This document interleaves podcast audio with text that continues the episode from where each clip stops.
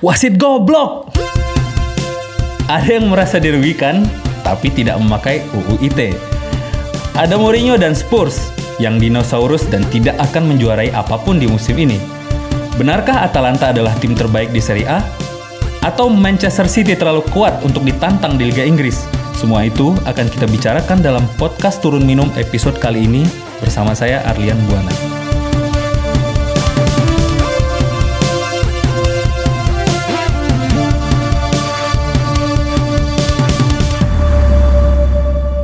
Halo dan selamat datang di podcast Turun Minum bersama saya Arlian Buana, Dan saya Yoga Kolanda. pandit kita semua. Hari ini adalah episode kedua dari podcast Turun Minum. Episode pertama direkam 2-3 bulan yang lalu dan panjangnya 2 jam. Episode kali ini kami berjanji akan lebih eh, pendek. Jadi kalau teman-teman mau dengerin itu podcast pertama silakan itu terjadi ketika Messi mengumumkan dirinya akan pindah klub Eh, dan setelah itu kami hiatus berapa lama dan sekarang kami ambil rekaman lagi eh, untuk membicarakan eh, sepak bola Eropa yang menjadi tontonan sejuta umat. Eh, setiap minggunya kami akan aktif lagi sekarang mulai pekan ini dan pekan-pekan berikutnya. Hore. Semoga kami konsisten. Doakan ya teman-teman. Siang ini kita ngomongin apa aja yok? Banyak sih yang bisa diomongin, tapi yang paling penting ini penalti nggak itu? Apa nih penalti? MU lawan Chelsea. Oh. Apakah penalti harus seharusnya diberikan untuk Manchester United? Atau tidak? Ya Anda sebagai pandit, bagaimana? Eh kontroversial ya itu semalam ya apa yang terjadi di pertandingan MU versus Chelsea ketika di media sosial beredar foto-foto bola mengenai tangan dari Callum Hudson-Odoi di kotak penalti dan banyak yang bilang itu penalti. Tapi banyak yang bilang juga itu nggak penalti, termasuk wasit. ya, Termasuk wasit. Siapa Stuart At- Atwell? Atwell. Dia udah ngecek VAR segala macam dan akhirnya memutuskan bahwa itu nggak penalti dan ada ini ya apa namanya dari Luke Shaw ya di, di akhir pertandingan bilang bahwa eh, wasit tidak memberikan penalti karena takut itu menjadi kontroversi. Yap, Nah tapi dengan tidak memberikan penalti itu juga dia memunculkan kontroversi betul. karena ada bukti bahwa bola mengenai tangan dari Hudson Odoi. Orang yang bilang bahwa eh, itu seharusnya nggak penalti karena bola mengenai lengan dari Mason Greenwood terlebih dahulu itu banyak. Dan mereka itu dasarnya adalah replay ini replay adegan adegan tersebut. Tapi sebenarnya kalau dilihat lagi replaynya, bola justru kena tangannya Hudson Odoi dulu baru kena lengannya Greenwood. Jadi kalau misalnya kita bicara penalti atau enggak karena ini uh, di di loss of the game sendiri kan uh, apa niat atau intention itu udah udah dihapuskan ya. Jadi ketika intinya ketika bola mengenai tangan dengan posisi yang tidak natural atau apa namanya posisi tangan yang membuat badan seorang pemain ter- jadi lebih besar semestinya ya penalti cuman entahlah mungkin ya itu tadi pertimbangannya wasit ya takut dicengin ngebela MU lah Takut dibully di media sosial. bisa jadi karena ya itulah apa namanya MU kan punya citra itu ya. Apa sering dapat penalti sering diuntungkan wasit dan segala, segala macamnya. Tapi ketika itu aturannya seperti itu ya mestinya ya ditegakkan gitu loh. Mantap. tugas wasit kan itu gitu. Eh, saya berbeda pendapat nih. Oke. Ini saya bias tentu saja karena saya pendukung Chelsea. Tapi MU ini memang sering kali yang pertama kali eh, protes soal kebanyakan penalti untuk eh, MU kan Klopp kalau nggak salah dua iya. atau tiga minggu yang lalu gitu.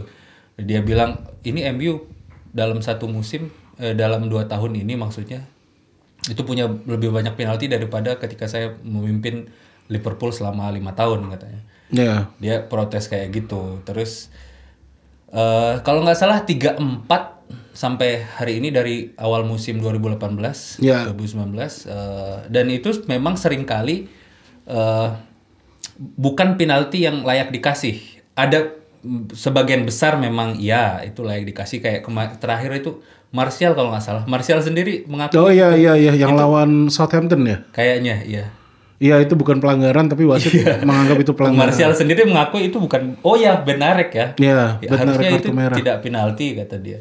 Nah, itu sering terjadi kepada eh, MU gitu. Betul betul. Nah, eh, menurutku sih ini MU sudah terlalu banyak bermain dengan setan ini ya, berdansa dengan setan. Dan sekarang itu keputusannya tidak menguntungkan MU. gitu. Oke, fair. Eh, nggak nggak fair sih gini. Eh, salah salah benar benar itu Iya. loh. harusnya seperti itu kan. Iya. Kalau misalnya wasit mem- mem- tidak memberikan penalti karena se- dalam tanda kutip bayar utang karena sebelumnya ada penalti nggak layak, itu nggak bisa dong.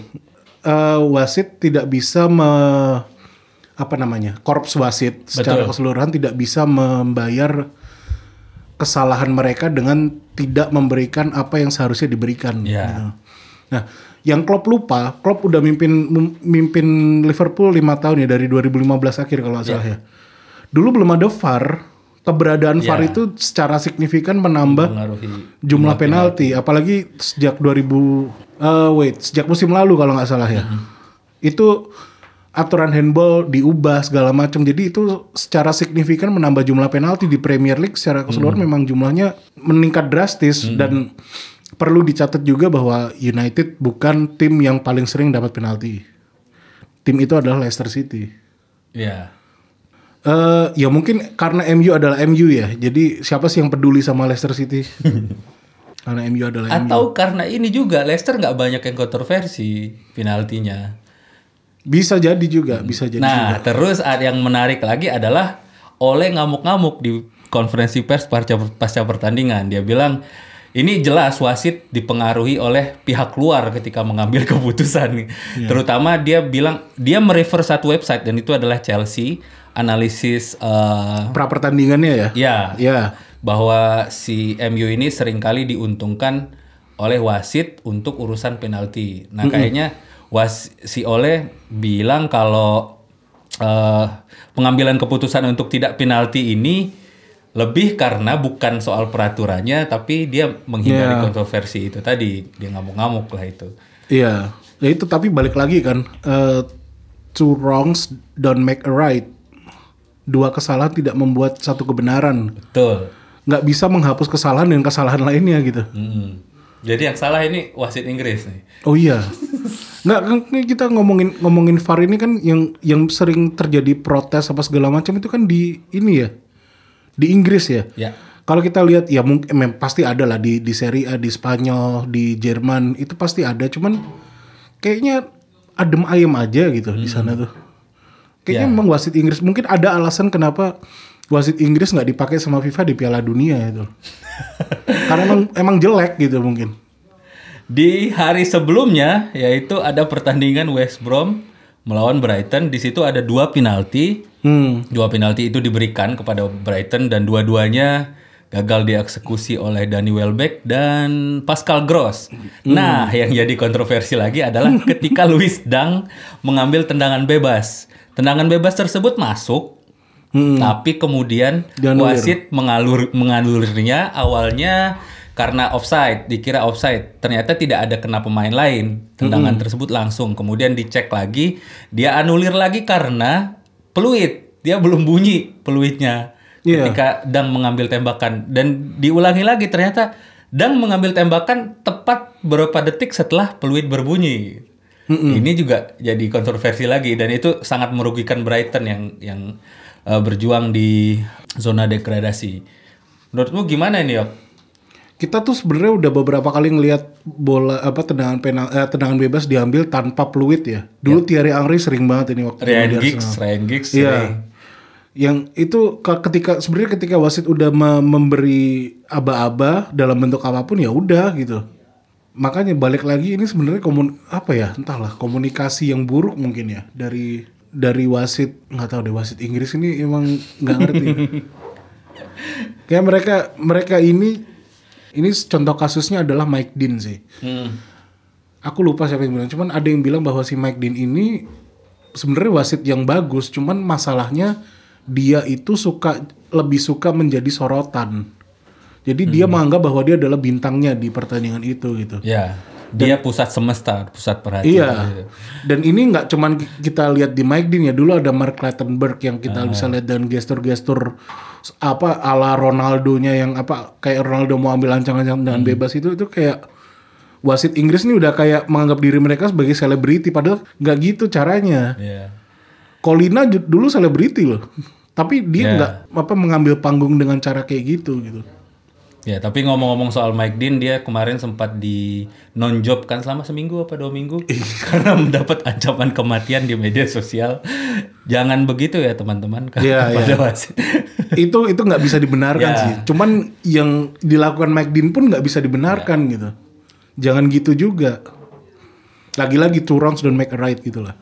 Iya. Dan eh, entah Mike Catwell ini atau wasit Brighton dan eh, West Brom ini ya di empat minggu sebelumnya itu Nuno Espirito Santo sempat mengkritik wasit tersebut. Dia bilang ini nggak profesional wasit ini dan tidak punya kemampuan memimpin pertandingan katanya. Dan Nuno didenda berapa ribu euro, berapa ribu pound gitu. Dan ternyata ada kejadian ini lagi. eh kita nggak tahu gimana selanjutnya ini eh, tentang wasit-wasit Liga Inggris ini. Ya perlu dita- ditatar lagi sih kayaknya. Menurutmu gimana? FA harus ngapain? Ini masalahnya sebenarnya kan ada ada ada dua masalah ya. Yang pertama kan mungkin kompetensinya wasit itu sendiri. Dia- yang entah mereka interpretasi aturan dengan cara yang salah atau eh, mereka membaca pertandingan dengan cara yang salah itu satu dan yang kedua kan masalahnya masalah seperti Mike Dean tadi yang menganggap bahwa mereka adalah bintangnya mereka adalah pusat dari semesta itu jadi menurutku entahlah FA perlu ini sih me- me- menekankan kembali kepada para wasit itu bahwa ya wasit ya wasit tugas wasit adalah me- membuat pertandingan jadi civilized gitu Hmm. dan mereka tidak tidak perlu menjadi sorotan dengan tingkah-tingkah yang kontroversial dengan tingkah-tingkah yang aneh karena ketika ketika apa seorang wasit punya kualitas ya mereka akan dengan sendirinya menjadi selebriti gitu. Ya. Selanjutnya kita bicarakan beberapa pertandingan sebelum ini. Eh, ada Man City dan West Ham. Oh, West Ham ya. Peringkat satu melawan peringkat empat. Itu kemarin akhirnya gara-gara si siapa ya? Siapa yang cedera tuh Harvey Barnes? Dia cedera kan sampai April kan. Hmm. Aku akhirnya beli Lingard itu di FPL. Kita jadiin podcast ini podcast FPL aja, Pak. Eh, Aneh ya, maksudnya ketika lihat kita lihat Lingard itu sudah Lingard sudah punya lebih banyak gol dan assist daripada Pogba musim ini dengan pertandingan yang main lebih sedikit. ya wajar lah, kan wonderkid. English Messi. Yoi. Dia tuh Rom Romdeuter sebenarnya. City kita ke- di situ kelihatan banget ya bahwa se- di kelihatan kualitasnya West Ham sebenarnya. Oke lah Man City menang ya itu wajar karena mereka memang ya mereka punya pemain yang lebih bagus. Uang yang lebih banyak, Ya. pelatih yang lebih hebat. Mm-mm. Tapi justru di situ kelihatan gimana nggak banyak tim yang bisa membobol City, City musim ini. dalam eh, terutama 16 pertandingan terakhir. Ya, dan West Ham bisa melakukan itu. Terus eh, apa City juga butuh ini ya set piece ya, buat me- Membobol membobol West Ham ya. Jadi memang eh, West Ham mem- apa ya membawa City ke level yang mungkin sebelumnya belum pernah mereka ini, belum pernah mereka rasakan dalam terutama dalam berapa uh, ya itu 16 pertandingan terakhir itu ya. Itu sih. Dia eh, setelah pertandingan Pep bilang "Eh, sejak awal saya langsung tahu bahwa tim kami tidak akan melukis sesuatu yang indah di pertandingan ini. Jadi makanya ya udah kita harus bertarung aja di sini. Nah, gol pertama itu aneh, Yok. Biasanya kan kalau eh, itu bukan set piece.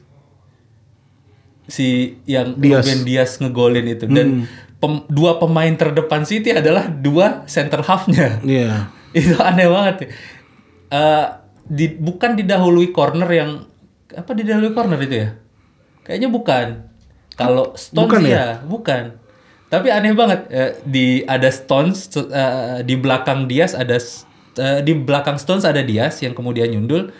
Di belakangnya dikit baru ada Agu- Aguero. Jadi dua pemain terdepannya Oh, itu adalah dua center half-nya dan eh, si De Bruyne ngambil bola eh, ngirim crossing panjang itu dari sisi kanan. Itu aneh banget itu. Gameplaynya eh, ya Guardiola apa sih yang berubah dari Guardiola musim ini sehingga dia mau seperti diakuinya sendiri tidak bisa melukis sesuatu yang indah Iya. di pertandingan ini tapi eh, dia mau main kotor gitu melakukan dirty work pekerjaan kotor di Iya dan untuk menang nggak masalah kan sebenarnya. Nggak Selama masalah. ada hasil nggak ada yang salah dari dari itu gitu karena dia dibayar buat apa? Buat menang, Nah. buat buat dapat juara. Caranya ya macam-macam. Hmm. Termasuk kayak gitu. Jadi nggak ada yang salah sebenarnya. yang signifikan menurutmu apa dari tim Guardiola musim ini perubahannya Sebenarnya kalau aku lihat ini sih em, eh, musim-musim lalu mereka tuh mentally exhausted ya. Hmm. yang dan kebetulan dan kebetulan Liverpool memang lagi lagi gila-gilanya dan sampai sampai akhirnya mereka harus ngakuin keunggulan Liverpool. Musim ini tuh kayak ground zero lagi buat City. Mereka seperti mulai dari nol. Nggak orang-orang eks- orang berekspektasi bahwa Liverpool bahkan bakal jadi juara lagi musim ini dan eh, mere- eh, banyak yang mencoret City karena City awal-awal kan memang kurang meyakinkan ya. Tapi justru itu mereka jadi kayak nothing to lose dan akhirnya pelan-pelan mereka fokus ke fokus ke performa dan ya kebetulan ba- apa namanya pemain-pemain mereka itu nggak terlalu banyak yang cedera ya. Ada yang De Bruyne cedera, Jesus, Aguero, cuman eh, masih masih masih banyak pemain yang bisa menggantikan peran mereka. Kayak tiba-tiba Gundogan jadi bagus, terus Foden yang apa makin sering nongol di tim inti, terus Joao Cancelo yang ah Joao Cancelo ini pemain yang apa ya? Yang mungkin padanannya tuh dulu Dani Alves zaman di Sevilla mungkin ya. Iya. Yang bek kanan tapi bisa nyampe mana-mana. Itu itu oke sih. Jadi eh, mungkin pemain-pemain kayak Cancelo yang musim lalu belum dapat banyak kesempatan itu eh, akhirnya bisa mulai lebih nyetel lagi sama tim. Dan akhirnya ya itu terbukti permainan mereka jadi lebih lebih fleksibel sih. Ya permainan City musim ini. Kayak gitulah paling. Ya itu fleksibelnya bukan bukan bukan cuman pergerakan pemain apa segala macam cuman itu sih metodenya ya Ya. metodenya tuh lebih lebih variatif Kalau kita eh, di internet itu ada istilah yang populer yaitu cancel culture. Kalau sekarang kita hidup di cancelo culture. Cancelo culture Tapi dia sehabis brilian bermain di Liga Champions yang akan kita bicarakan di bagian kedua nanti, yo. Dia langsung dicadangin tuh sama sama Pep. Eh, tapi it's it's okay lah maksudnya ketika Ya. ketika ketika kamu punya pemain yang sekualitas Kyle Walker buat jadi cadangan itu ya ya nggak ada masalah untuk mencadangkan Cancelo Iya. Dan kemarin itu eh, si eh, siapa? Biasanya kan di Champions itu Walker juga main. Walker di kanan, Cancelo di kiri. Oh iya, nah kemarin Cancelo eh, Walker main, Cancelo enggak, di kirinya ditaruh Zinchenko lagi. Zinchenko. Eh itu rotasi juga. eh, Pasti. Iya. buat fitness kan nggak mungkin maksain Karena pemain main dalam berapa ya dua dalam dua minggu ini City harus main 5 apa 6 pertandingan gitu full. Iya, ada FA Cup gak ya Ada nah FA itu Cup. dia tuh Ada FA Cup, ada Liga Champions dan double-double di Liga Inggris. Oke. oh iya double double benar habis Iya. ini double game week lagi Double mereka ya lagi. ada lawan M MU kan Ada lawan MU. Setelah lawan Wolves ini lawan eh, United. wow oke capek juga ya jadi City ya Tapi jago. Jadi santai aja. Iya gimana orang benchnya harganya 305 juta pound sterling gimana nggak jago. Ini keluar nih MU-nya nih. Enggak kemarin ada yang nge-tweet itu kan benchnya 305 itu. Oh ya pantas. Dulu dulu tuh pernah waktu zaman Pep apa belanja pemain jor-joran pemain belakang terutama Hmm. ya. Budget defense City itu lebih besar daripada budget pertahanan ne- be- beberapa negara gitu loh. Iya. Jadi bener-bener wah ini emang mereka serius sebenarnya dari dari awal tuh mereka serius cuman ya memang hasil terutama di Liga Champions ya emang belum ini cuman musim ini dengan apa Barcelona yang kayak gitu Real Madrid yang butuh bantuan wasit buat ngalahin Atalanta kayaknya nggak banyak yang bisa menghentikan City sih Ya. Pep itu memang eh, terobsesi dengan fullback. Dia beli fullback banyak banget dan Iya. beberapa eh Cancelo akhirnya bekerja di musim ini. Jangan lupakan musim kemarin itu Cancelo jarang sekali dipakai. Ada Mendy juga. sebenarnya yang Cancelo itu kan problemnya dia adalah ketidakdisiplinan dia dalam bermain kan. Dia itu se- eh, sementara Pep itu orang yang mendewakan apa positional football di mana seorang pemain harus berada di suatu tempat di saat-saat tertentu. Ya. Cancelo nggak bisa melakukan itu dan ku- kupikir itu alasan kenapa dia awalnya tidak menyukai Cancelo. Cuman justru sekarang dia berus- berhasil menemukan eh, ketidakdisiplinannya Cancelo ini tuh jadi ini loh, jadi semacam faktor X gitu. Ya. Yang ketika Hugo de posisinya Pep nggak nggak bekerja, ada ada satu sosok liar yang bergerak di sela-sela pemain lainnya untuk membuat perubahan gitu. Jadi bagus lah maksudnya ketika Pep berhasil menemukan oh kliknya oh ini toh gunanya Cancelo ya akhirnya itulah yang bekerja musim ini juga. Ketika Cancelo bermain itu saya membayangkan ya kalau menjadi lawannya City itu bingung. Kok tiba-tiba Cancelo ada di sini? Kok tiba-tiba ada di situ? Iya, ini ngapain? Bek kanannya si siapa? Bernardo. Aneh emang. Cuman oke lah. Apakah ini tim terbaik Pep Guardiola? Ketika kita ngomong terbaik atau enggak hasil ya pasti ya. Iya. Tapi kalau secara main Dia belum pernah menjuarai Liga Champions tanpa Messi. ya itu itu yang jadi ini ya beban terberatnya Pep ya. Eh apa kalau misal dulu gini sih, aku aku selalu selalu menganggap Barcelona yang era Pep itu ber- membosankan mainnya. Orang iya, maksudnya membosankan adalah mereka terlalu dominan, jadi itu membosankan. gitu. Terlalu mengontrol semuanya. Mm-mm. Dan terlalu sebenarnya itu apa terlalu rigid ininya. Walaupun sebenarnya mereka kelihatan ber- berubah, cuman itu eh, kelihatan berpindah-pindah tempat. Cuman kalau kita lihat titik-titik pemainnya itu selalu ada di titik yang sesuai keinginan Pep Ya. gitu.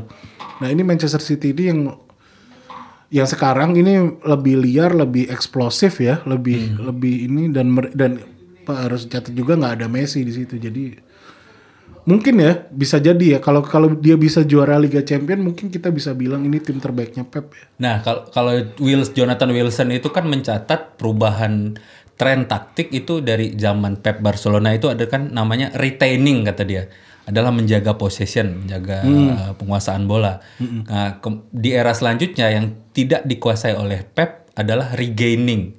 Makanya German School ini yang regaining uh, ball di di sepertiga akhir uh, itu lawan. Ya. Eh, Pep ini masuk regaining juga nggak? Atau jangan-jangan membosankan lagi karena dia retaining juga itu sebenarnya. Se- se- sebenarnya kan itu dua hal yang nggak bisa dipisahkan. Retaining dan regaining. Iya, nggak bisa dipisahkan. Maksudnya eh fase ketika sebuah tim berada dalam fase menyerang itu nggak nggak nggak mereka nggak cuman nggak cuman menyerang dengan bola. Ketika mereka kehilangan bola dan mereka berusaha me- me- mendapatkan bola itu kembali itu itu sebenarnya juga fase menyerang gitu. Menyerangnya adalah menyerang eh, posisi si pemain lawan gitu. Itu menurutku dua hal yang nggak bisa dipisahkan sih. Eh, Kalau kita ngomong regaining dan retaining ya untuk retain ya harus regain gitu. Iya, harus regain dulu. Iya, karena kan da- dari dulu juga aturannya Pep adalah yang atau berapa 6 detik atau 5 detik itu ya, nggak boleh bola nggak boleh lepas selama lebih dari itu. Jadi sebenarnya Iya, iya. konsepnya sama gitu. Hmm, cuman di eh, diaplikasikan lebih ekstrim aja di Jerman School Football daripada Pep gitu. Iya, iya karena karena apa ya? Entah ya. Aku aku jujur kalau untuk yang German School belum terlalu mendalami ya, karena ketika ketika kita lihat eh, yang ada dalam pikiran tuh sama-sama ofensif. Hmm. Sepak bola yang ofensif gitu kan. Offense-nya aja yang yang berbeda gitu. Oke, ke pertandingan selanjutnya yaitu Tottenham lawan Burnley. Apakah Gareth Bale telah kembali, Pak Yoga? Nah, enggak. enggak, enggak. Kamu nggak melihat Gareth Bale akan konsisten setelah pertandingan lawan Burnley ini? Enggak. Kenapa tuh? Karena Mourinho. Timnya Mourinho ini nggak bisa ditebak sih. Ya, Kadang bagus banget, kadang jelek banget, nggak bisa lah. kamu nggak melihat mereka menjuarai Piala Malam Jumat dengan kekuatan kayak gini? Aku kok bisa yakin sih mereka bisa juara UEFA. UEFA. Hmm. Ya bisa. Kalau ketemunya Wolfsburger terus ya bisa. Serius. Ini par- masih harus diingat juga masih banyak tim-tim tim-tim Atau gini lain. deh pertanyaanku, eh Levy kan eh, meng-hire eh, Mourinho ini untuk menjuarai trofi, untuk memenangkan trofi gitu. Minimal ada nggak trofi yang dibawa Mourinho ke lemarinya Spurs musim ini? Enggak kayaknya. FA pun nggak. FA lawan City di final. Nah, itu dia masalahnya. Tapi nggak tahu ya, maksudnya nggak bisa ditebak ya karena karena Mourinho ini kan modelannya kan kekuatan dia menegasi permainan lawan. Hmm. Ya itu bisa atau nggak dia menegasi. Kalau nggak ya nggak bisa. Dia bukan pelatih yang Ya. memainkan sepak bola proaktif kan. Iya. Sepak bolanya dia reaktif dan ketika reaksinya salah ya udah bubar semuanya. Sih kalau eh, ahli-ahli taktik menyebut Mourinho ini ya sudah dinosaurus untuk dunia taktik masa kini kan. Iya, karena nggak ada sesuatu yang baru dari dia gitu. Ini juga eh, dia empat atau lima kali pertandingan berturut-turut kalah dan atau tanpa kemenangan dari Eh, satu tanpa seri kemenangan, kayaknya. Iya. eh, dan semalam itu dia akhirnya memainkan eh, sepak bola yang ofensif dari awal dan itu jarang terjadi. Iya, Eh, kayak di oh ya yang seri itu lawan Chelsea kos eh, oh itu kalah juga ya itu kelihatan banget di babak pertamanya itu strateginya Mourinho adalah sit deep untuk kemudian eh, serangan balik tapi itu tidak terjadi dan di banyak pertandingan juga begitu nah semalam lawan Burnley dia langsung ofensif dari awal dan dapat hasil itu loh problemnya Mourinho. Dia sebenarnya bisa main ofensif kayak zaman di Real Madrid dulu kan sebenarnya itu. atau di Porto sebenarnya dia juga ofensif Em, enggak sih. Kalau Porto tergantung lawan sebenarnya. ya tergantung lawan Makanya balik, balik lagi dia tuh sangat tergantung sama lawan mainnya. Padahal sebenarnya dia punya arsenal yang cukup mumpuni buat Hmm. main sepak bola ofensif ya. Contohnya di Real Madrid waktu itu dengan apa rekor gol terbaik gol terbaik atau poin terbanyak ya waktu itu kalau ya salah. 100 poin Itu jadi bisa bisa cuman itu entahlah mungkin udah di teringrain di otaknya dia bahwa yang harus dilakukan adalah me- merespons bukan memaksa lawan untuk merespons apa yang dia lakukan. Ini untuk dicatat teman-teman pendengar, pandit kita Yoga Kolanda tidak yakin Spurs akan menjuarai apa pun musim ini. Eh, kita bicarakan MU Chelsea di luar kontroversi yang tadi kita udah omongin, Yok. Oke. Ah, udah secara taktik apa yang menarik dari pertandingan membosankan 0-0 ini? Ini kalau membosankan ini kalau misalnya ada gol itu kan kalau aku lihat Ah. sebenarnya nggak segitu membosankan kok. Cuma masalahnya kedua-dua tim tersebut menunggu tim lawan melakukan kesalahan Nah. dan kesalahan-kesalahan itu tidak pernah muncul. Itu kalau orang Italia bilang itu pertandingan pertandingan yang sempurna gitu. ya, nggak ada kesalahan dan akhirnya berakhir kosong kosong. Ya mungkin itu karena karena memang aku dibesarkan di Serie A ya. Ngeliat itu ya udah battle of tactic aja gitu. Tapi mungkin karena orang ekspektasi Liga Inggris adalah ya gol eh, gol dan permainan yang ofensif segala macam. Ya itu akhirnya jadi sesuatu yang mengecewakan. Padahal sebenarnya kalau kita lihat si Ole jelas kan dia punya dia dia, dia di setiap setiap big game pasti pasang Fred dan Double, McTominay. double pivot. Itu pasti itu kecuali kecuali satu waktu lawan Chelsea di awal musim yang kalah 1-0. Itu dia pasang Matic sama Pogba Awal kalau awal musim satu kosong. Iya, yang yang Chelsea menang 1-0. Di mana itu? Kosong kosong pertemuan pertama soalnya. Oh, Chelsea. Arsenal, Ding. Oh, ya Arsenal, ya. Oh iya iya berarti yang imbang lawan Chelsea. Iya, yang 0-0 juga. Jadi eh, rekor MU melawan so-called Big Six itu adalah semuanya kosong-kosong kecuali Arsenal kalah 0-1 dan Spurs, Tottenham 6-1. 1-6. Mm-mm. Ya, ada satu pertandingan yang oleh pasang selain Matic eh selain Fred McTominay dan ya itu tetap. Jadi eh, patternnya kan tetap ya. Fred McTominay, Fred McTominay. Itu juga pattern menarik ya karena eh, rekor away-nya United kan bagus banget Ya, da- daripada home. Nah, kemarin tuh Barney Rone menulis memang eh, si United kelihatan sebagai tim yang berbeda ketika tandang itu karena memang Ole memainkan tim yang berbeda. Iya. Hampir selalu McTominay dan Fred yang Betul. jadi pivot sementara di Old Trafford dia berusaha lebih menyerang dengan satu saja di antara dua itu. yang jadi problem eh serangannya United ini masih terlalu fokus sama kemampuan individu. Ini nggak berbeda dengan apa yang dulu dilakukan Mourinho. Jadi jadi seperti nggak ada. Kalau kita lihat City misalnya, eh, satu pemain pegang bola, pemain di sekelilingnya bakal berotasi buat mencari ruang apa segala macam.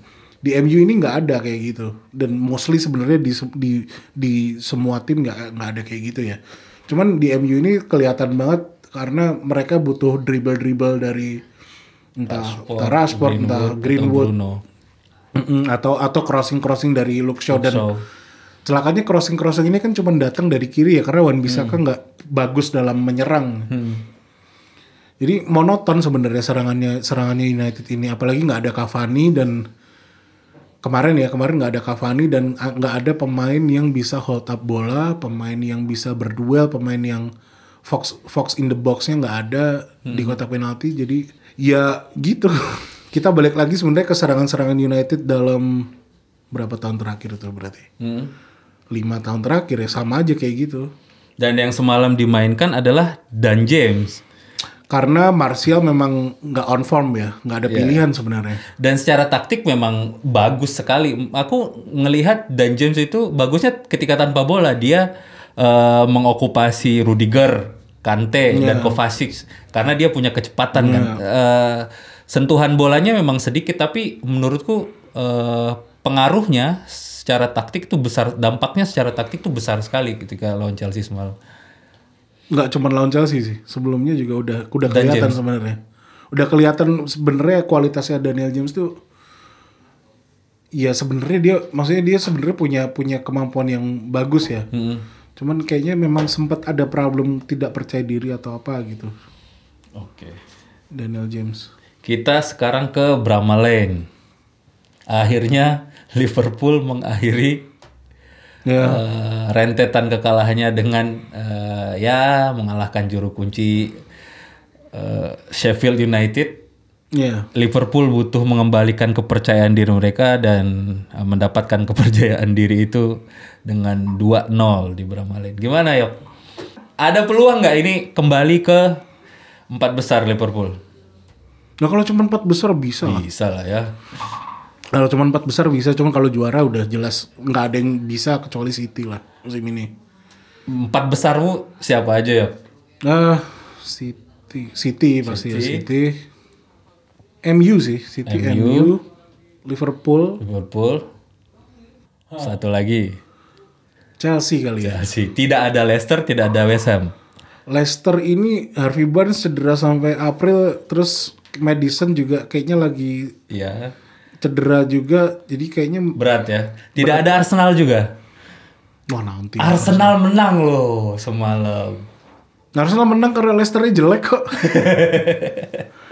Enggak enggak. Ah, Saya laporkan mungkin Arsenal bu- Kitchen buat, loh kamu. buat musim ini Arsenal udah telat sih Iya. untuk itu. Startnya di 9 kalau nggak salah ya sekarang. Iya 9 ya atau Oh 10 malah. 10. Di bawah Villa. Ya. Mereka eh, telat sih. Mungkin mungkin buat musim depan bisa. Ya nggak tahu deh musim depan juga nggak yakin juga. Entahlah Arsenal ini problem nggak tahu lah aku nggak susah ya Arsenal ini problemnya dimulai dari tahun 2006 sih. Ya. Ini tim yang belum bisa menyelesaikan masalah sejak 2006 gitu. Jadi nggak cuman perkara kualitas tapi perkara mindset, perkara mental, perkara itu tuh terlalu kompleks. Jadi mungkin mereka butuh mereka menurutku ya kalau aku pribadi, aku setuju mereka stick dengan Arteta sih. Karena biar gimana pun sedikit demi sedikit ada progres dari dari segi dari segi permainan dari segi eh apa namanya cara pemain mengapproach pertandingan itu ada perubahan sedikit demi sedikit cuman ya harus di harus disupport juga lah kedatangan berani mendatangkan Odegaard itu bagus terus berani mendatangkan Gabriel apa segala macam walaupun akhirnya cedera itu oke. Nah yang yang perlu digaris bawah ini sebenarnya PP ya. PP ini bagus tapi syaratnya satu dia harus punya back kanan yang bagus. Dan itu Bellerin dan bukan Berin orangnya.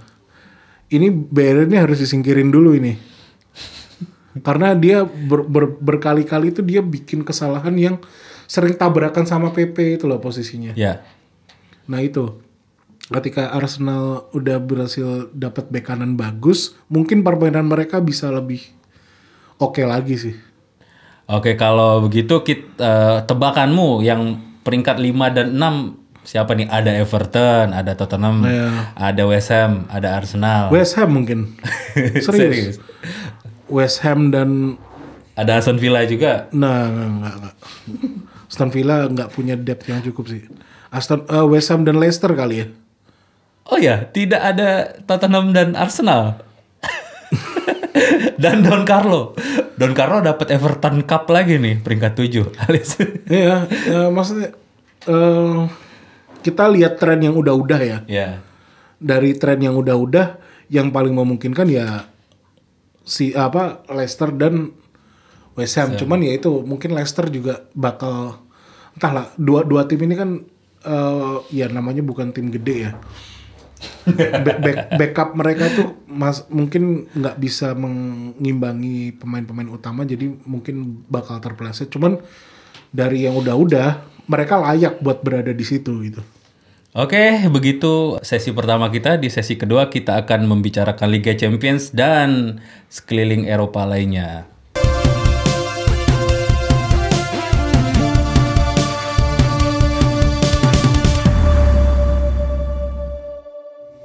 Di bagian kedua ini kita akan membicarakan Liga Champions dan Liga-liga Eropa lain di Eropa. Oke, kita mulai dari Liga Champions ya yuk. sikat Silakan. Kamu kalau mau memarahi Real Madrid, saya beri waktu. iya Tadi kamu kan udah nyinggung tuh, iya dibantu wasit. dibantu wasit lah gimana maksudnya itu perdebatan last man atau enggak bisa jadi last man bisa jadi enggak ya karena Hmm. tergantung perspektif ya. Cuman perspektifnya itu salah. Kalau lihat dia last man tuh Mendy Mendy itu Ferland Mendy. mau bawa bola ke samping Iya. buat di crossing. Dia tidak mengarah langsung ke gawangnya Atalanta. Kalaupun dia mengarah langsung gawangnya Atalanta, setelah Freuler itu masih ada satu pemain lagi itu siapa ya? Back ada satu back lagi itu. Jadi itu pelanggaran yang mestinya cuman berbuah kartu kuning aja sih. Nggak nggak nggak harus kartu merah. Dan itu merusak merusak semuanya. Itu Atau menit keberapa sih? babak pertama menit tuh berapa 17 tuh. Oh, ba- awal banget ya. Ya, ya. Kalau nggak salah awal banget. Heeh.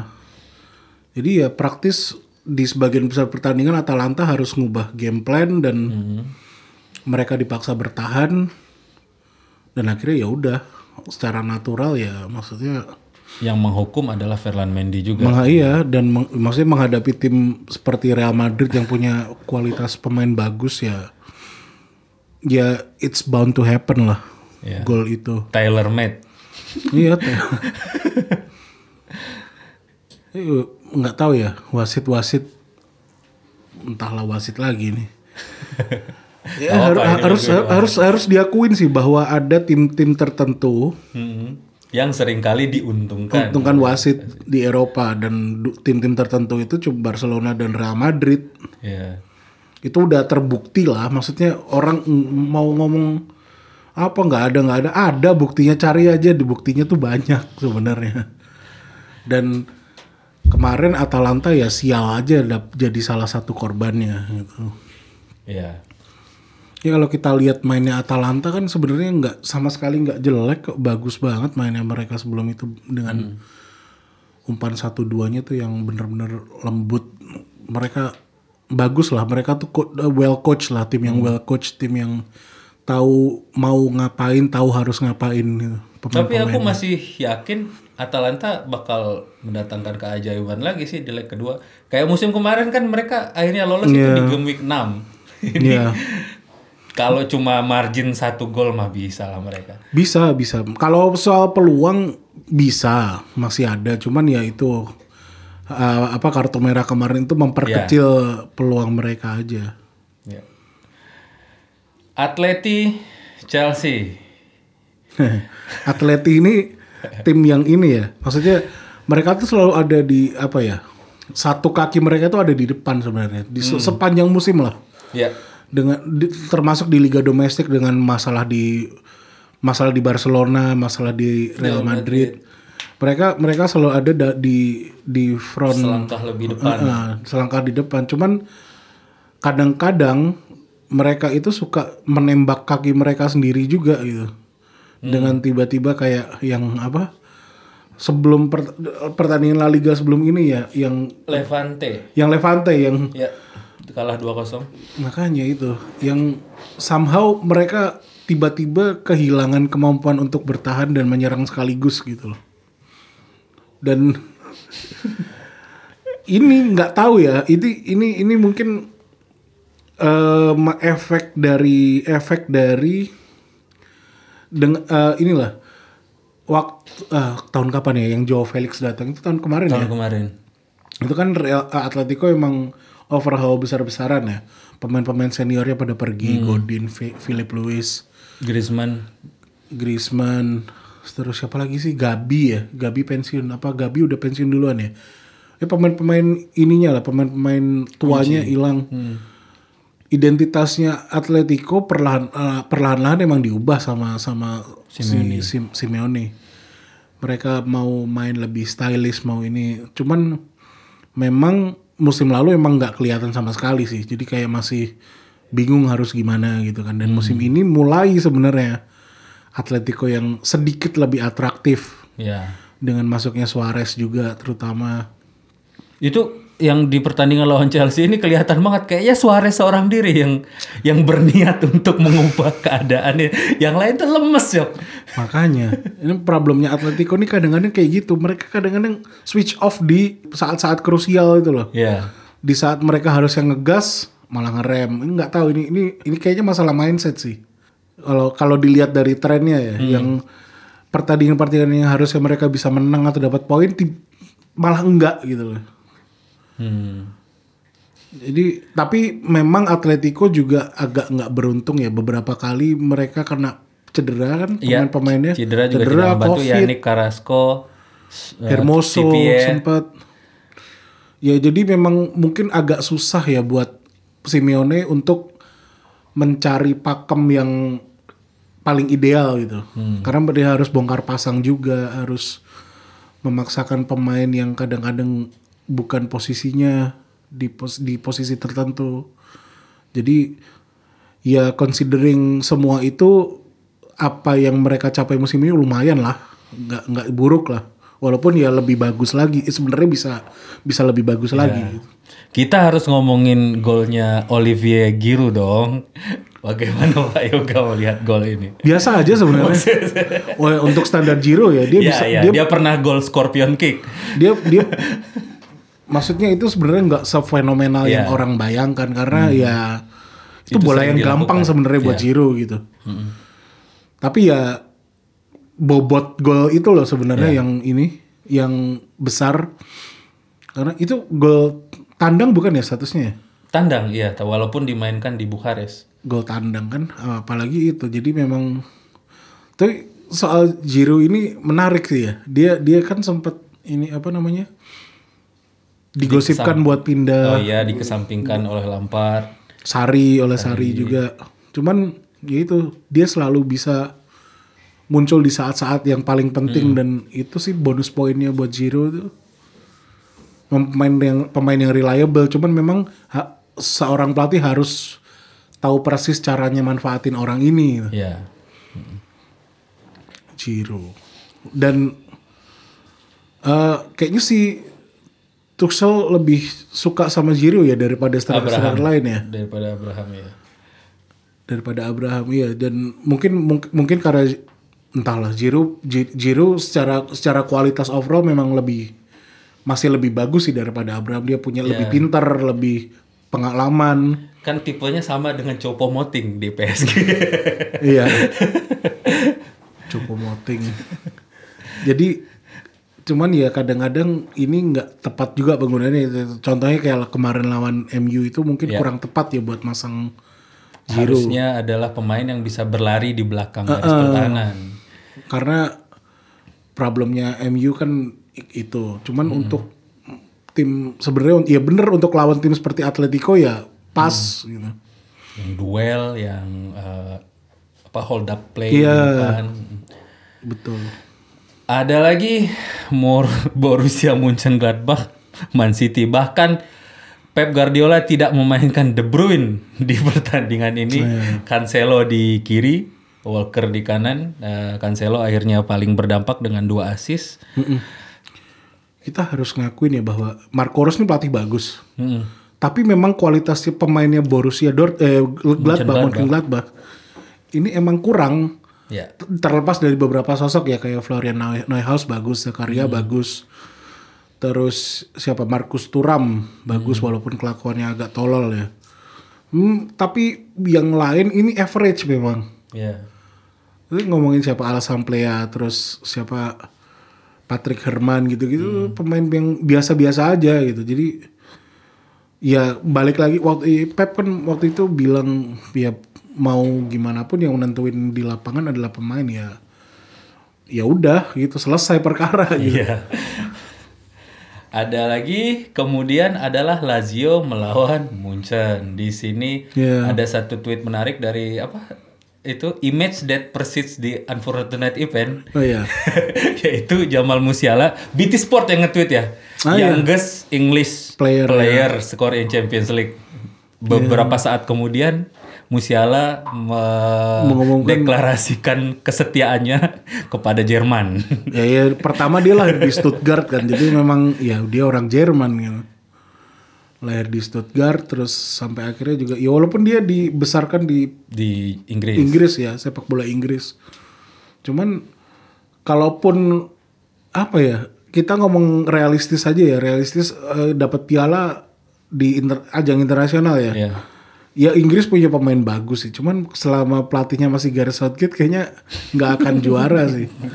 Southgate ini kan pelatih yang eh, model-model pelatih kayak Sam Allardyce lah Iya.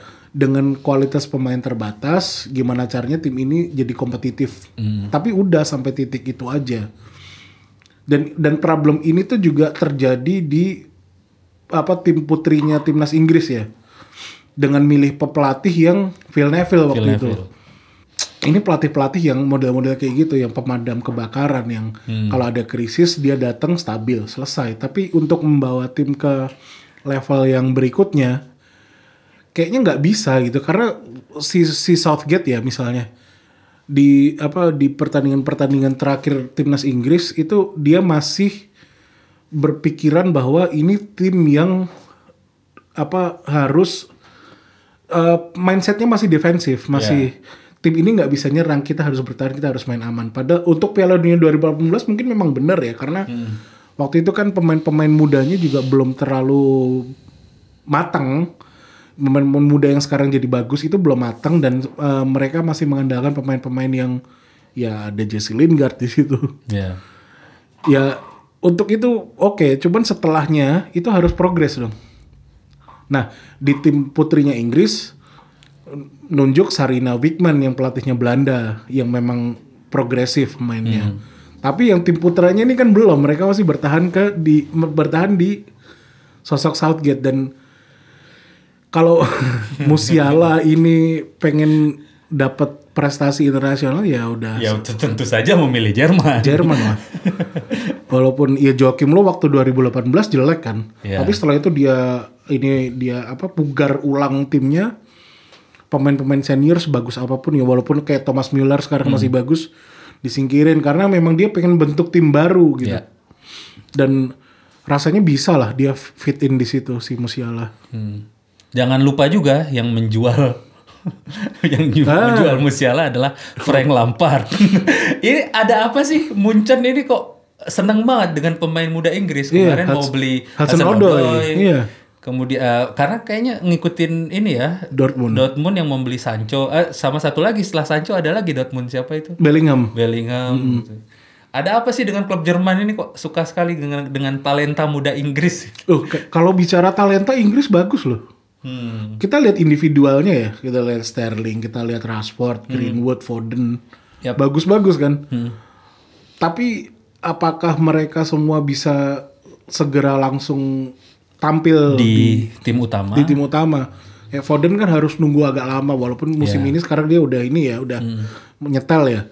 Cuman dari musim kemarin kan kayak kayak Foden mainin lah, Foden mainin, cuman Iya, iya, iya. susah memang. Jadi bener ya tim Jerman ini daripada jauh-jauh nyari ke Amerika Latin itu Inggris banyak akademinya bagus. bagus-bagus kalau kita ngomong kualitas. Cuman ya itulah.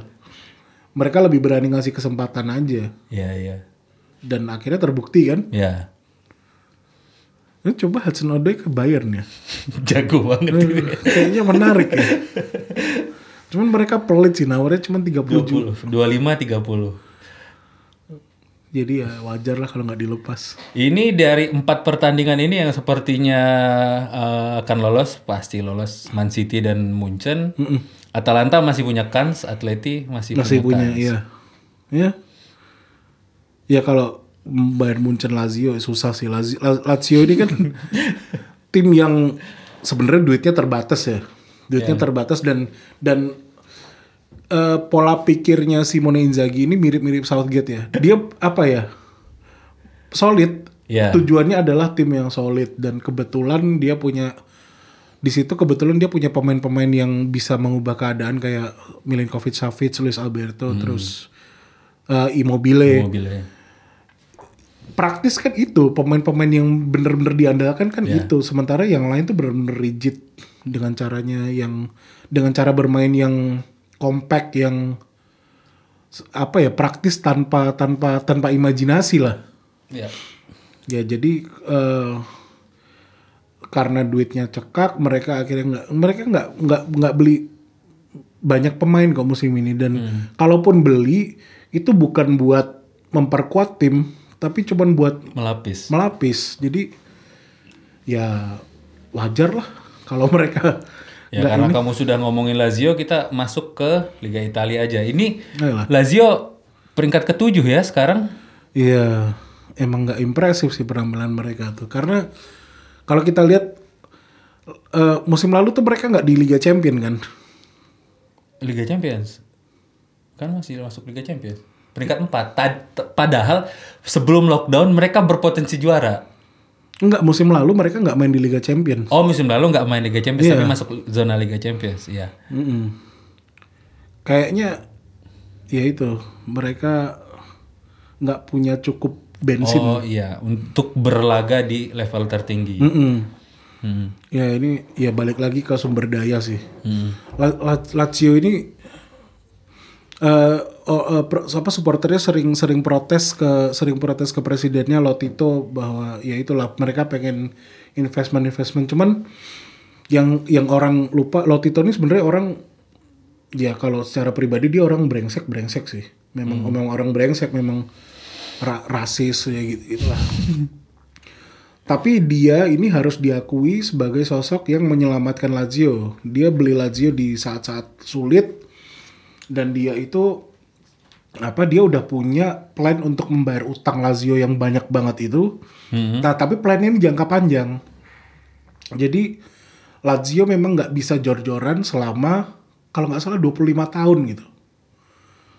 Ya jadi eh, prioritasnya buat buat buat Lotti itu adalah gimana caranya Lazio ini nggak balik ke apa financial ruin kayak dulu lagi. Jadi Hmm.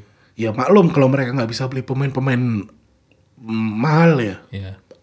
Eh, semalam di Liga Italia ada eh, Milan mengalahkan AS Roma 2-1. Kita bahas di sini ya. Dari sini dulu. Atau nggak usah. Ada Inter mengalahkan Genoa 3-0. Bebas lah. Atalanta mengalahkan Sampdoria 2-0, Juve seri 1-1. Kemudian di klasemen Inter eh, dengan 56 poin, Milan 52, Juve 10 poin. Iya. Terpaut dengan pemuncak klasemen Inter eh, 5646. Kemudian di peringkat 4 ada Atalanta. Eh di podcast kita sebelumnya kan kita banyak ngomongin Juventus sebagai klub yang eh, berada dalam krisis yang mereka ciptakan sendiri. Iya. Yaitu yang eh, mereka bercita-cita menjuarai Liga Champions dengan mendatangkan Ronaldo, mendatangkan Sari juga tapi ternyata itu tidak bekerja dengan baik. Kemudian mereka meng-hire Andrea Pirlo. Dalam podcast kita sebelumnya kita sebut Ningrat. Andrea Pirlo, Pirlo karena Sari itu bukan Ningrat sama sekali. Ningrat dalam sepak bola ya, itu bangkir gitu. Eh, dan Pirlo yoga waktu itu yakin kalau kalau Scudetto aja sih bisa gitu. Oh iya. karena kamu Kar- karena sebenarnya kalau dilihat dari cara mainnya itu memang ada perkembangan. Dan terutama memperbaiki lini tengah kan. Iya. Cuman yang jadi problem adalah ternyata kualitas pemainnya nggak cukup ternyata. Pemain-pemain kayak Bentancur yang terutama Bentancur, Bernardeschi sama Rabio sih.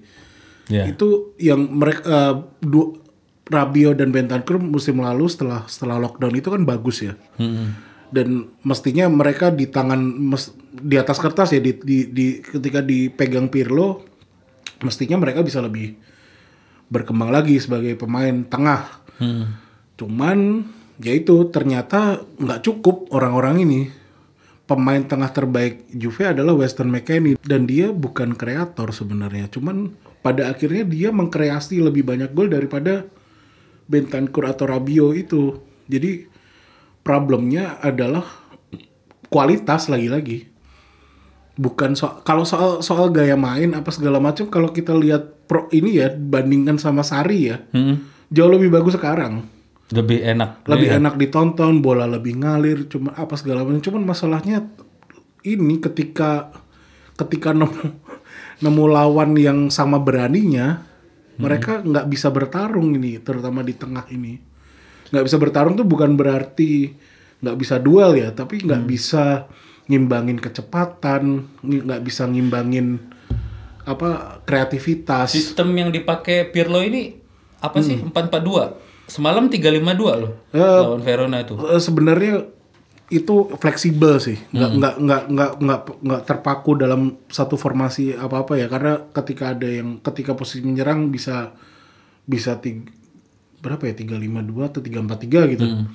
bertahan bisa empat empat dua. Jadi memang memang fleksibel nggak nggak ini.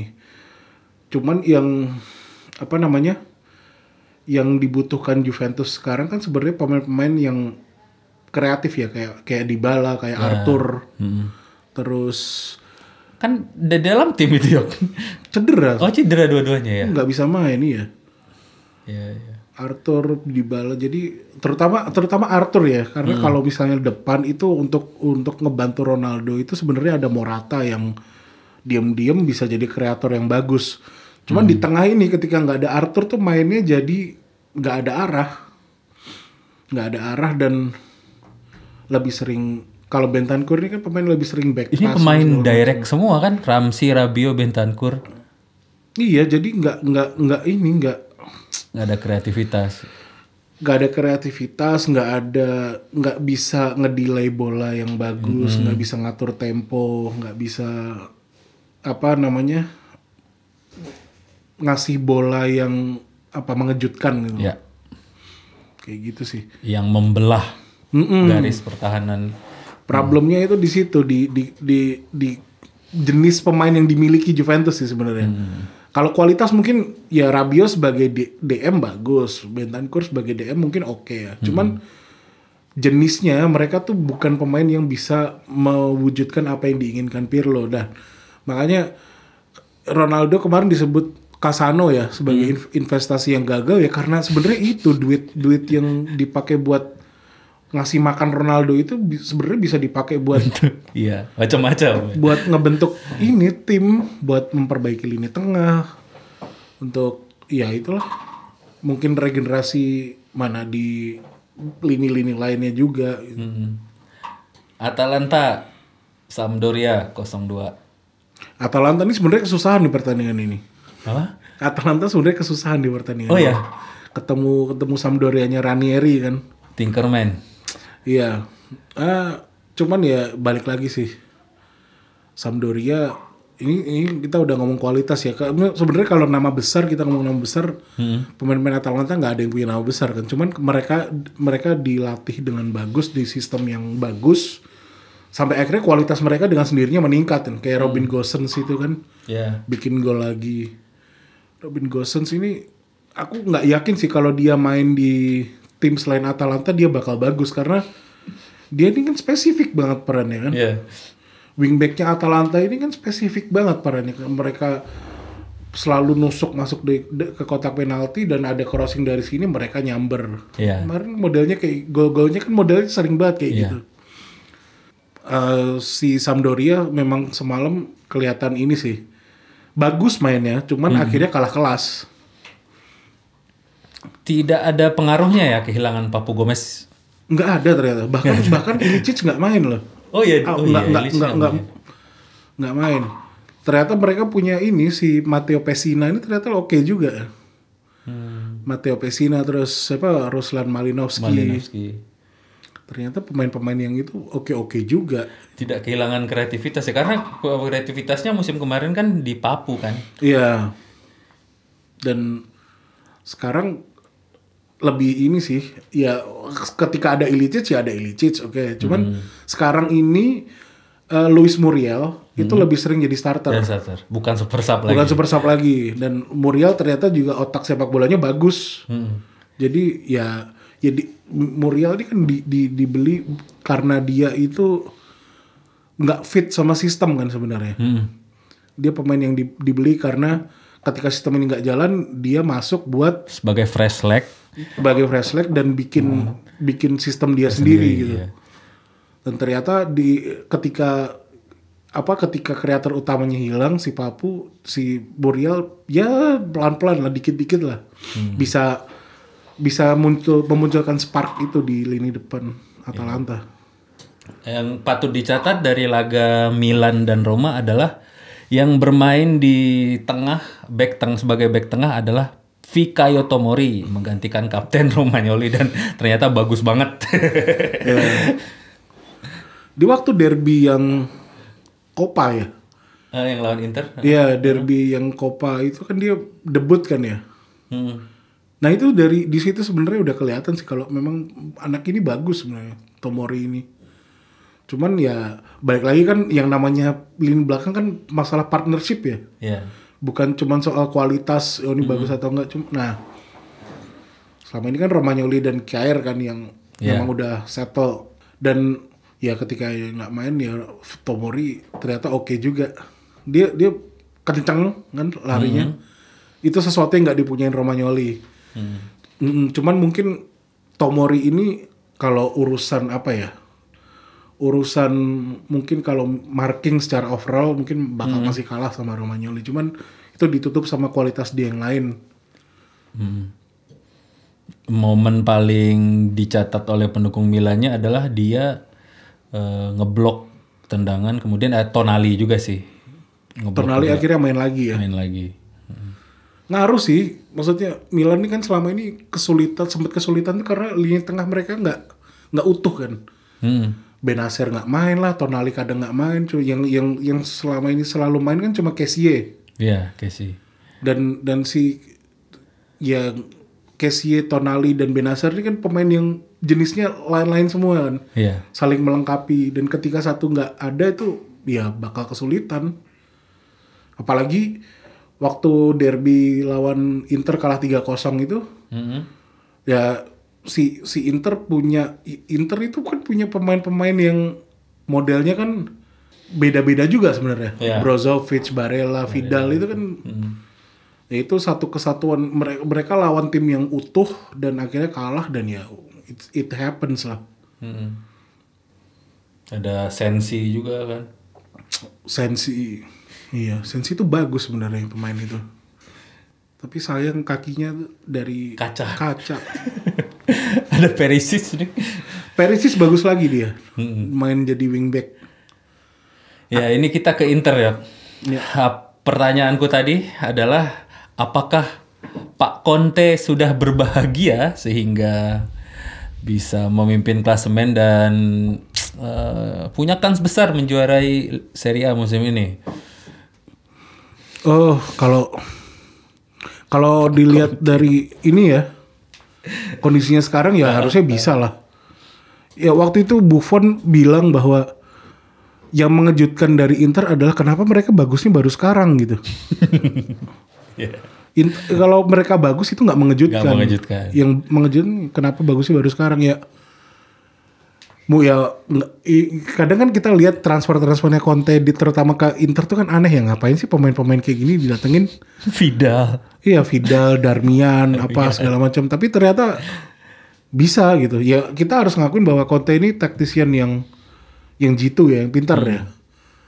Ya cuman kadang pemi- eh, model jenis pemain yang dia suka itu tuh pemain yang ini pemain apa sih ini kayak gini. Nah, cuman ternyata dari da- di- sebenarnya dari dulu dia selalu bisa membuat pemain yang kelihatannya kayak sampah tuh jadi kayak tiba-tiba, wah jago juga nih pemain. Jakeri inilah misalnya itu contoh terbaiknya lah. Ya. Jadi nggak mengejutkan. Cuman pr- problemnya sekarang Inter adalah konsistensinya Handanovic. Ya. Kalau selama Handanovic main kayak dalam berapa pertandingan? Lima pertandingan terakhir lah sejak derby itulah. Oke, cuman ketika Handanovic mulai switch off lagi bahaya. Ini kayaknya sejak aku lahir kipernya Inter udah Andanovic ya. Tutwori Handanovic. Jadi kuncinya justru di kiper. iya karena dia kapten pertama. Iya. Dan dia pasti bakal orkestrasi lini belakang kan. Nah ini kalau ketika dia switch off, ini soalnya Handanovic ini kan positioningnya nggak terlalu bagus sebenarnya. Hmm. Selama ini dia mengandalkan eksplosivitas apa lompatan-lompatannya dia Ya, ini. safe. yang- Nah bahaya ini ketika ketika masalah itu udah muncul lagi ini bisa bahaya buat Inter dan apalagi mungkin Ya sempat mengalami kan sebelumnya. Iya, jadi beberapa pertandingan tuh kayak dia selalu kalau apa ya ada lawan nendang dia nggak nggak nggak bikin save, nggak bahkan nggak berusaha karena pointless. Dia pemain tertua di Serie A bukan sih? Kayaknya lebih tua dari bapakku. Nggak, nggak, nggak. Nah, ada lebih tua lagi. harusnya ada ya. Soalnya semalam ada pemain tertua di Liga Inggris bermain melawan Liverpool, Jagielka. Nah iya, Kalau di Liga Serie A siapa ya? Buffon lah. Oh iya, dia masih ada Buffon. Di atas langit masih ada langit. Iya. Oke, karena waktunya sudah kami berjanji di atas di bawah satu jam aja. Jadi kami tidak akan membicarakan liga-liga lain karena tidak ada talking points yang menarik dari Bundesliga dan atau ada La Liga. Nanti lah kalau Leipzig naik peringkat satu kita omongin lah. Oke, kalau kalau masih kayak gini kayak gini ya nggak usah dulu lah ya. Nanti lah. Eh, nanti kalau ada yang menarik misalnya dari Liga Belarusia juga kita omongin gitu. Kalau selama belum ada ya kita banyak ngomong untuk episode sekarang dan episode-episode selanjutnya mungkin hanya Liga Premier Inggris, Serie A, kemudian Liga Liga Eropa- Champion. Liga Champions. Liga Eropa juga nggak usah lah ya, Europa League, Liga malam Jumat. Nanti aja kalau apa Arsenal atau MU tersingkir gitu diomongin. Oh kamu memprediksi MU akan Iya, tersingkir di Milan Europa lah. League? Kalah lawan Milan MU itu. Serius ya? Serius. Apa yang membuat kamu yakin kalau Milan yang menang? Milan ini secara permainan tuh lebih bagus. Hmm, Cara mainnya mereka tuh lebih bener. ya. Dan mereka punya komposisi pemain yang pas buat itu gitu, buat melakukan itu. MU sementara itu banyak terlalu mengandalkan individual, kualitas individual. Entahlah. Jadi kalau misalnya kita lihat mainnya bagusan mana, bagusan Milan lah. Masa sih? Bagusan Milan daripada Oke MU. mungkin kalau mai- ngelihat mainnya enakan ngelihat Milan gitu tapi secara tim aku sih masih yakin lah Pak Wale bisa mengatasi Milan. Nah, kalah lah. Kalah aja lah MU lah. Kayak lawan apa ke liga, klub Liga Turki itu aneh banget itu yang Liga Oh Champions. ini Istanbul ya. Iya Basak Sehir kan. Iya. aneh banget bisa kalah yang harusnya menang. Makanya. Itulah. Kamu masih tidak yakin Spurs juara Europa League? Belum. Karena Karena Sevilla sudah pasti tidak lolos lagi Liga Champions Iya. nih dan Sevilla kan udah kawin dengan Europa League. Iya.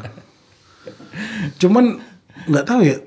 Somehow aku lebih yakin Arsenal yang bisa juara Hmm. daripada Spurs. Ya karena eh, Arteta tahu dia nggak bisa gelar lokal, gelar domestik dia nggak akan dapat. Iya. Ya udah dia ngejar kayak Sari pasti Chelsea ngejar Europa Iya. Ini. Dan waktu Sari itu juga mereka sampai final loh Arsenal itu. Ketemu Sari itu. Oh iya, iya. heeh. Di kadalin sama Hazard itu. Iya. Jadi kamu jagoin Arsenal ya Europa League. Nggak tahu kenapa lebih ke Arsenal daripada Spurs. Spurs. Iya. Oke, cukup untuk eh, episode kali ini. Episode berikutnya kami akan merekam buat teman-teman sekalian. Ini niat banget kami ngerekamnya jam 9 pagi. Minggu depan juga begitu agar teman-teman bisa mendengar langsung sorenya. Terima kasih yang bagi sudah yang mendengarkan. Kalau mau ada pertanyaan nanti kami drop ka- eh, pertanyaannya di media sosial kami. Media sosialnya apa belum bikin, nanti kami umumin lagi. oh ya, eh, podcast ini dipersembahkan oleh Binokular. Jadi kalau ada teman-teman yang punya perusahaan yang ingin eh, perusahaannya dimonitor pemberitaan at- atau percakapan media sosialnya, silakan hubungi. Terima kasih, sampai ketemu di episode-episode berikutnya. Salam olahraga. Sampai jumpa lagi.